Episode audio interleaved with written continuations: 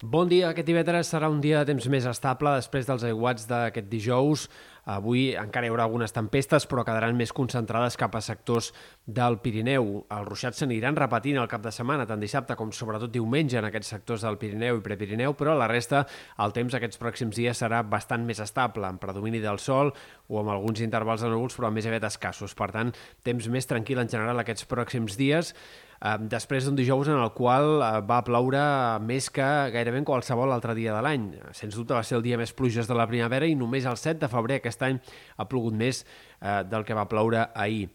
Hem d'esperar que les temperatures remuntin aquests pròxims dies ràpidament, de fet, i que aquest cap de setmana sigui preestiuenc.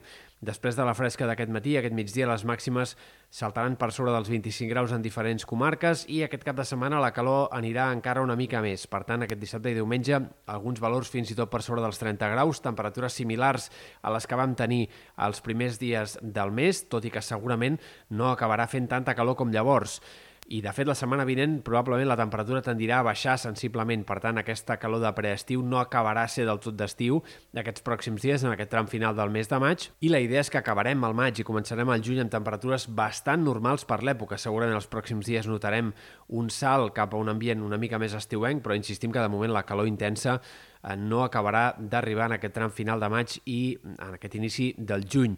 I pel que fa a l'estat del cel a més llarg termini, sembla que seguirem també amb, amb certa inestabilitat. No acaba de definir-se una nova situació de ruixats més extensos de cara a la setmana vinent per ara, tot i que hi ha incertesa en el pronòstic, però sí que sembla clar que gairebé cada dia continuarà havent-hi ruixats i tempestes al Pirineu, Prepirineu o fins i tot potser en sectors de la Catalunya central.